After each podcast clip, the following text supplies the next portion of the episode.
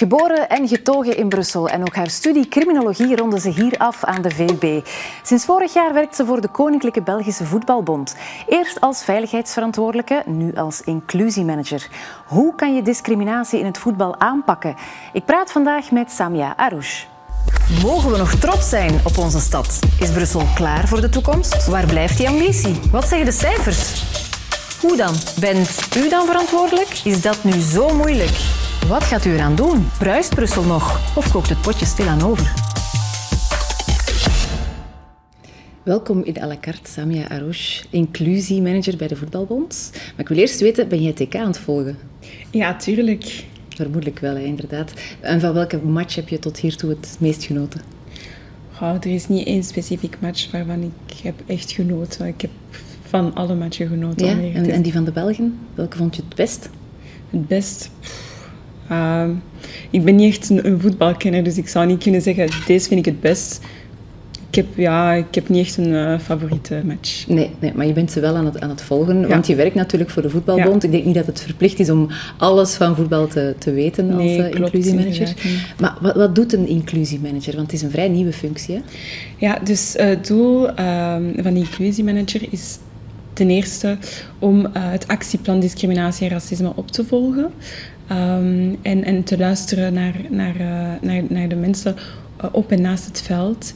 Um, en ervoor te zorgen dat de vijf pijlers luisteren, vertegenwoordigen, um, uh, opleiden, meten, communiceren, dat, die, dat die in orde zijn. En als laatste pijler ook het sanctioneren die ik uh, misschien later allemaal. Ja, ik ben zo meteen benieuwd naar die vijf pijlers. Ik wil eigenlijk eerst alleen weten, je was eerst veiligheidsverantwoordelijke ja. bij de voetbalbond, hè, nog niet zo lang geleden.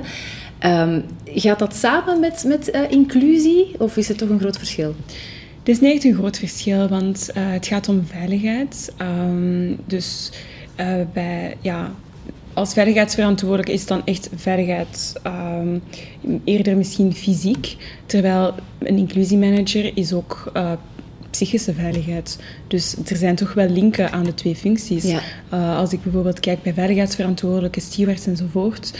Um, wij als veiligheidsverantwoordelijke leiden we ze ook op, maar ook op uh, thematieken zoals racisme, discriminatie, wat moeten ze doen, uh, hoe moeten ze handelen enzovoort. Ja, het gaat hand in hand eigenlijk, hè? zowel het fysieke als het mentale, denk ik. Ja. Maar waarom heb je gezegd van ja, die job dat is iets voor mij? Voor de simpele reden um, dat ik um, altijd, al sinds kleins af, iets wil doen om bij te dragen aan de maatschappij. En um, dat, het, het, discriminatie en racisme, dat, dat, sprak mij meteen aan, omdat, omdat ja, het feit dat ik iets kon doen uh, dat ik niet meer in die onmachtspositie zat, maar dat ik zoiets had van oké, okay, nu kan ik er zelf aan werken en er zelf iets aan doen. En dat, is, dat, dat vond ik het mooie. En ook als, als criminoloog, om, om dat te kunnen doen, vind ik dat gewoon een heel mooie opportuniteit. Ja. Dus, um, ja, je wil niet aan de zijlijn blijven staan. Klopt. Ja, maar je moet wel naast de mat blijven natuurlijk. Ja. maar um, ja, je zegt van mooie opportuniteit, absoluut. Maar ook wel een hele uh, ambitieuze taak, hè? want voetbal zit overal, hè? van ja. op het grote scherm tot in de kleine dorpjes. Uh, ja. Dus je, hebt eigenlijk wel een, je kan een hele grote impact hebben op de samenleving zelfs. Maar dat is juist het mooie. Um, en vooral denk ik voor een criminoloog, um, om, om, om zo'n groot maatschappelijk probleem aan te pakken. Um, ja, die, dat probleem zit dus niet enkel vast binnen het voetbal. Het gaat veel breder. Het is, het is, echt, ja, het is echt een maatschappelijk probleem. En als KBVB zijn we ervan bewust dat, dat voetbal zo'n enorme impact heeft. En, en, en wij willen eigenlijk dat, het voetbal gebruiken om, um, om dat eigenlijk weg te werken. Om, om mensen bewust te maken dat discriminatie en racisme dat dat niet thuis hoort. Mm-hmm. dus, en dat het ook nog altijd bestaat klopt, dat ja. het nog altijd bestaat, omdat mensen daar ook misschien niet altijd bewust van zijn dat dat ja. nog altijd bestaat. Ja. En daar hebben we ook onderzoeken voor gedaan, die, het onder, uh, onder andere het onderzoek van uh, KU Leuven over discriminatie bij, bij jongeren in het voetbal, waar dat heel sterk naar voren komt dat discriminatie en racisme dat dat nog altijd actueel is. Um, en dat kunnen we natuurlijk niet tolereren en niet meer blijven tolereren. Nee, nee. want het is natuurlijk ook, ja, inclusiemanager, ik zei het al, het is een vrij nieuwe functie. Je hebt ja. elders nog wel diversiteitsmanagers en zo. Hoort dat dan een beetje bij ja, de 21ste eeuw nu, waarin dat we in een context zitten met meer politieke correctheid? Uh, ik denk... Twintig jaar geleden was er eigenlijk nog geen sprake van, denk ik. Hè? Ja, um, ik denk... Allee, jammer genoeg moeten wij nu spreken over ja, inclusiemanagers enzovoort. Omdat, ja, in een ideale wereld zou het niet nodig zijn. Klopt. Ik denk dat het gewoon noodzakelijk is. Omdat het feit dat dat, dat, dat nu nog vandaag de dag bestaat en, en dat dat nog gebeurt, dat dat dat dat niet oké is. En uh, het is natuurlijk belangrijk om, om hieraan te werken en om iemand aan te stellen die, uh, die daar rond werkt. Ja, want het actieplan heet Come Together. Hè, dat, Je hebt het net al vermeld, uh, vijf pijlers. Het gaat eigenlijk vooral over sensibiliseren. Je hebt daarnet ook al gezegd van ja, luisteren is eigenlijk een belangrijke eerste stap. Jij bent ook mee verantwoordelijk voor dat luisteren. Maar wat hoor je dan vooral? Is het dan vooral racisme of andere vormen van discriminatie? Wat zeggen de cijfers ook? Ja, um, dus ik ga misschien... Je hebt verschillende vragen gesteld, dus ik ga misschien... Dat is, dat is altijd verwarrend. Voilà, op de eerste, eerste vraag van... Wat, wat houdt concreet het actieplan in? Um, dus je hebt, het, uh, je hebt het ook zelf gezegd van... Oké, er zijn vijf pijlers die, waar, waar wij werken rond het sensibiliseren. De eerste pijler is dus luisteren.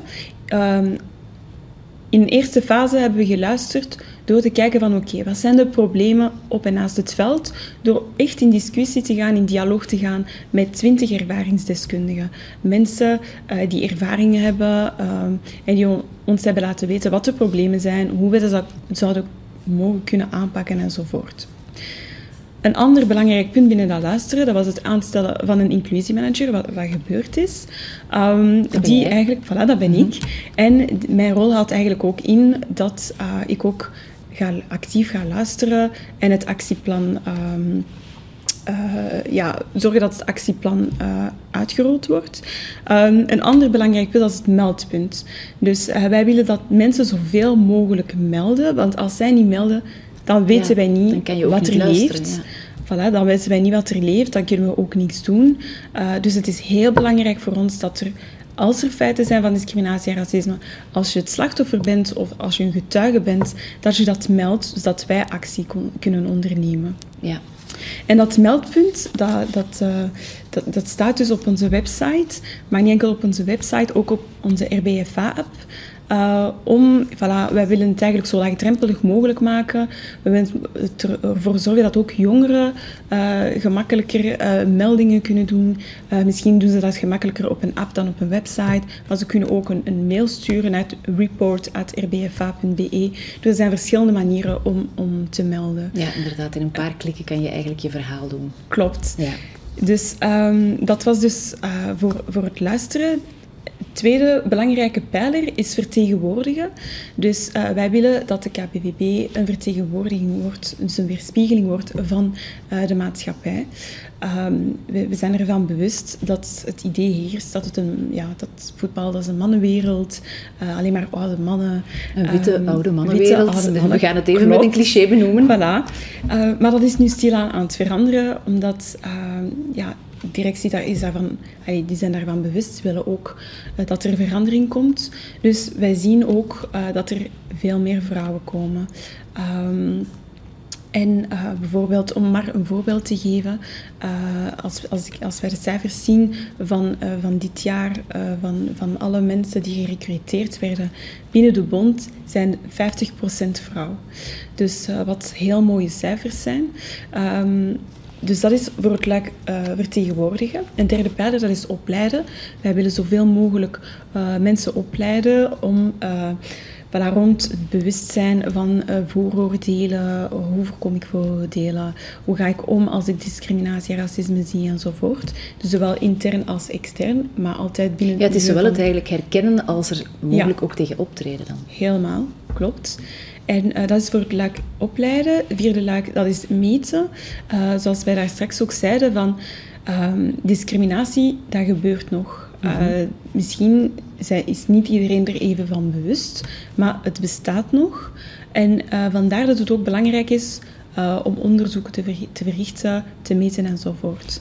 En dus vandaar het onderzoek ook van KU Leuven voor discriminatie in het jeugdvoetbal, um, waar wij ook Daar was het één kind op de drie, dacht ik, hè, dat uh, last heeft van discriminatie. Ja, klopt. Maar misschien belangrijk om te zeggen dat discriminatie in dat onderzoek heel ruim werd gebruikt. Dus het gaat niet, dus niet enkel over racisme of, uh, of uh, ja, homofobie enzovoort. Het gaat ook bijvoorbeeld om zwaarlijvigheid, fatfobia, wordt daar ook in opgenomen.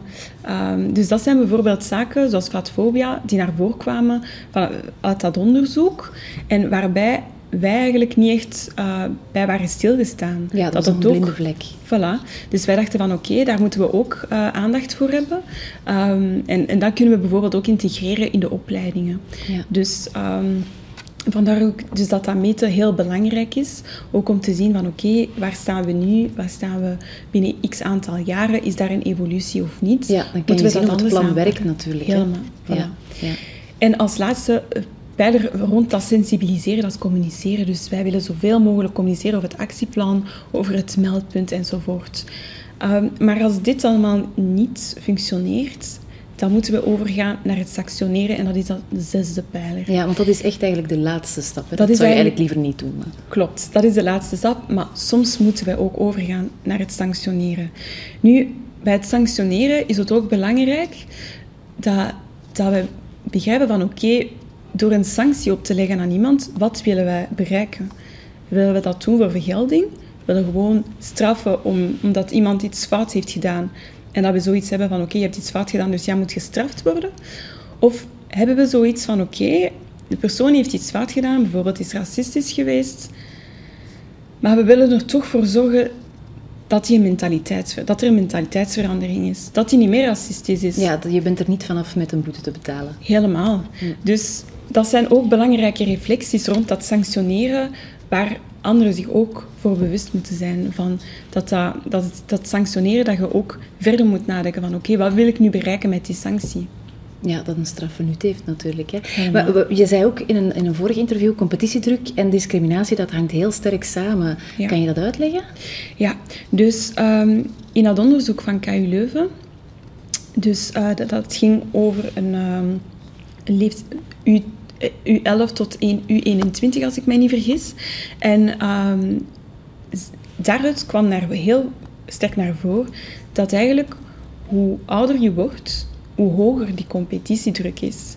En dat die, aangezien die, die competitiedruk veel hoger ligt als je ouder wordt, is dat een beetje de, de motor voor discriminatie en racisme. Omdat je jezelf dan minder in de hand hebt of zo? Of? Omdat die, die, die, die, die, die, die competitiedruk is veel hoger. Dus bijvoorbeeld hoe, hoe klein, dus uh, wat, wat Vanuit dat onderzoek zeggen ze eigenlijk van oké, ze vermoeden dat als je kleiner bent, dan gaat het enkel van oké, okay, uh, ze sporten. Um, en gaat men niet echt kijken naar ben je gewonnen of verloren. Mm -hmm. Terwijl als je groter wordt, is dat wel gaat veel belangrijker. Verliezen, ja. voilà, gaat het over winnen of verliezen. En het is die competitiedruk die veel hoger ligt. En dan wordt er meer en, gescholden, meer... Voilà, dan zijn er veel meer racistische incidenten. Dat ja. bleek dus uit het onderzoek. Ja. En heb je zelf soms last van vooroordelen? Want je bent er heel bewust mee bezig voor je job, maar bon, iedereen is menselijk. Um, dus dat is een heel mooie vraag. Dat is een heel goede moeilijke vraag. vraag misschien ja, ook. Moeilijke vraag ook. Want ik denk dat iedereen ergens wel vooroordelen heeft. Um, maar ik, persoonlijk, uh, als ik het dan over mij moet hebben, ben ik iemand die altijd reflecteert, mij altijd die vraag stel, altijd nadenkt van oké, okay, waarom denk ik nu zo? Um, en ik denk dat dat ook deels komt van, vanuit mijn opleiding, um, waar ik eigenlijk heel bewust ben van, van, van, van vooroordelen en vandaar dat ik denk dat ik toch wel heel, een heel beperkte Je bent je er heel voilà. bewust van. Ja, het, natuurlijk, het is ook niet omdat je met een vooroordeel in je hoofd zit, dat je meteen overgaat tot discrimineren. Ja. Dat is ook nog iets anders natuurlijk. Hè? Klopt. Heb je er zelf mee te maken gehad, of nog altijd, met discriminatie? Um, dat is... Um, ja, ik ben mij vrij... Ja, ik heb zelf ook discriminatie ervaren. Um, maar dis, ja, discriminatie, dat, dat, dat, ligt niet vast aan een plaats. Hè. Ik bedoel... Jij, gaat dat in de winkel, mm-hmm. uh, in het onderwijs, gewoon op straat. Dat, is, ja, dat zijn zaken die, die ik niet enkel persoonlijk meemaak, maar die ik ook gewoon zie of, of in mijn omgeving of gewoon op straat. Dus dat zijn zaken, ja, natuurlijk, die nog steeds En hoe heb jij jezelf zijn. daar dan tegen gewapend? Of kan je je daar tegen wapenen? Ehm, ik zou zeggen dat vanuit mijn opleiding eh, heb ik eigenlijk eh, geleerd om ehm, te proberen te begrijpen waarom iemand zo denkt. Heel empathisch. Voilà, ja, Dat, is, dat, dat, dat komt echt van, vanuit mijn opleiding. Ehm, want ik herinner mij nog een, een professor die zei van ja, als jullie geconfronteerd, op jullie werk gaan jullie geconfronteerd worden met mensen die heel racistische uitspraken gaan doen of heel, discrimi ja, heel discriminerend zullen zijn. En jullie gaan allerlei emoties hebben. En de bedoeling is dat jullie reflecteren en nadenken van oké, waarom denkt die persoon zo? En het is door te weten waarom die persoon zo denkt of waarom die persoon zo handelt, dat jij de mentaliteit van die persoon zou kunnen veranderen. Ja, en dat je het dan ook niet persoonlijk, persoonlijk neemt. neemt, ja. ja. want natuurlijk komt dat binnen, hè. dat kan ik me Helemaal, voorstellen. klopt. Ja. Maar ehm, ja, ik, heb, ik heb zelf niet echt last van racisme gehad, bijvoorbeeld. Soms denk ik dan ook van, ja, ben ik dan bijvoorbeeld wel op zijn plaats om daar iets over te zeggen? Ja, als, als- ik zou niet zien waarom, waarom jij niks zou mogen zeggen over racisme. Eh, ik denk vanaf het moment dat, dat je iemand bent die reflecteert, die tolerant eh, dat je tolerant bent, dat je een open geest hebt en, en dat, je, dat je weet wat goed is en wat fout is, natuurlijk mag je erover reflecteren. Het is niet omdat je een kleur hebt of geen kleur, of ik weet niet hoe ik dat mag noemen, dat je daar niet over mag re- reflecteren en debatteren. Ehm, Ja, het is een probleem... Excuseer, het is een probleem dat eigenlijk heel de samenleving Klopt. besmet, hè? Voilà. En ik denk dat het niet is omdat, omdat je blank bent, als, je, als ik dat zo mag zeggen, mag dat, je niet, voilà, dat je niet eh, geconfronteerd kan worden aan discriminatie. Ehm, helemaal van het voetbal naar, naar iets anders in jouw vrije tijd, dan ga je wel eens boksen. Ja, Eh, klopt. waarom boksen? Ehm, ja, dat, dat is iets eh, dat mij altijd heeft aangetrokken. Ehm, ik wou ook een, een, ja, een vechtsport eh, doen. En ja, uiteindelijk is dat een beetje zoals het voetbal. Hè. Dat is ook een mannenwereld. Mhm. Ehm, ja, ik weet nog in het begin, toen ik, toen ik dat deed, hadden ze ook zoiets van meisjes die, meisje dat bokst, dat is raar. Ja, dat, is, eh, dat hoorde zo precies niet thuis. Maar ja, dat is iets dat ik heel graag doe in mijn vrije tijd. Dus eh, voilà. Ja, daar kan jij je uitlaat, uitlaatklep in vinden. En beschouw je jezelf als een rolmodel? Want je bent een jonge vrouw met migratieroots die eh, eh, inclusiemanager eh, is geworden. Vind jij jezelf een, een rolmodel? Ik vind dat een heel moeilijke vraag, om eerlijk te zijn. Ehm, Je zegt dat En- misschien niet snel over jezelf. nee, ik vind dat ook moeilijk. Ik, ehm, ja, ik zou dat niet over mezelf zeggen. Ik zou dat wel over anderen zeggen. Van, ja, die persoon of die persoon bijvoorbeeld is een rolmodel. Maar over jezelf, ehm, ja, ik vind het al raar om Ja, jezelf maar als ik jou nu zeg, ik denk dat je een rolmodel bent, wat doet dat dan met jou? Eh, ja, dat is... ehm, dat, is, eh, ja, dat doet altijd iets. Hè, van, oei, ik ben een rolmodel. Normaal gezien kijk ik op naar mensen. Ehm, dus voilà. Maar je kan mensen inspireren, hè? Ja, dat En klopt. dat is ook denk ik de bedoeling van het, eh, het hele actieplan. Ik dank jou hartelijk om naar eh à la carte te komen, Samia Arouche, en eh, geef er nog een lap op met Come Together. Dank je wel. Dank je. En bedankt voor het kijken thuis. Volgende week is er de laatste à la carte voor de vakantie. Dat is met Lucas.